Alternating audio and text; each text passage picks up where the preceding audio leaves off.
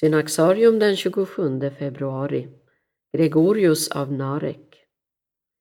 Inklämt mellan Turkiet och Iran ligger Armenien, ett land med en både stolt och tragisk historia. Redan kring tiden för Kristi födelse existerade nationen som kungarike och enligt traditionen nådde budskapet om Jesus hit med apostlarna Taddeus och Bartolomaios. År 301 blev Armenien det första land som antog kristendomen som statsreligion. Här utformades en tradition med egna uttryck. Den armeniska kyrkan lät sig inte assimileras med någon av de större kyrkotraditionerna utan har bevarat sin särart fram till idag.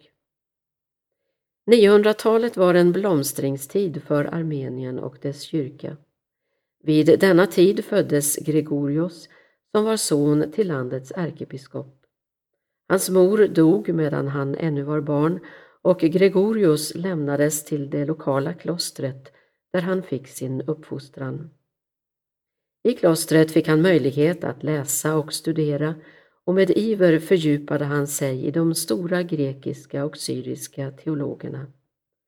Han lät sitt sinne formas av traditionen och blev allt mer ett med den. När han under en tid låtit sig fyllas av insikt och lärdom började det flöda ur honom ord, formuleringar och uttryck som var nya och samtidigt sprungna ur traditionen.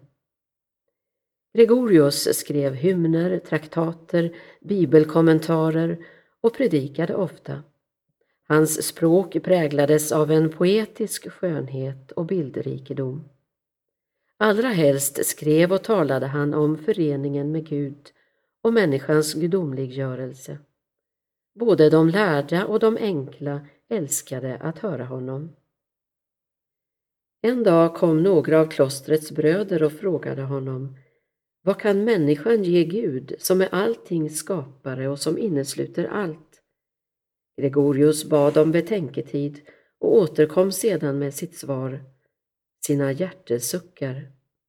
Detta var det offer han själv bar fram till Gud genom sina hymner.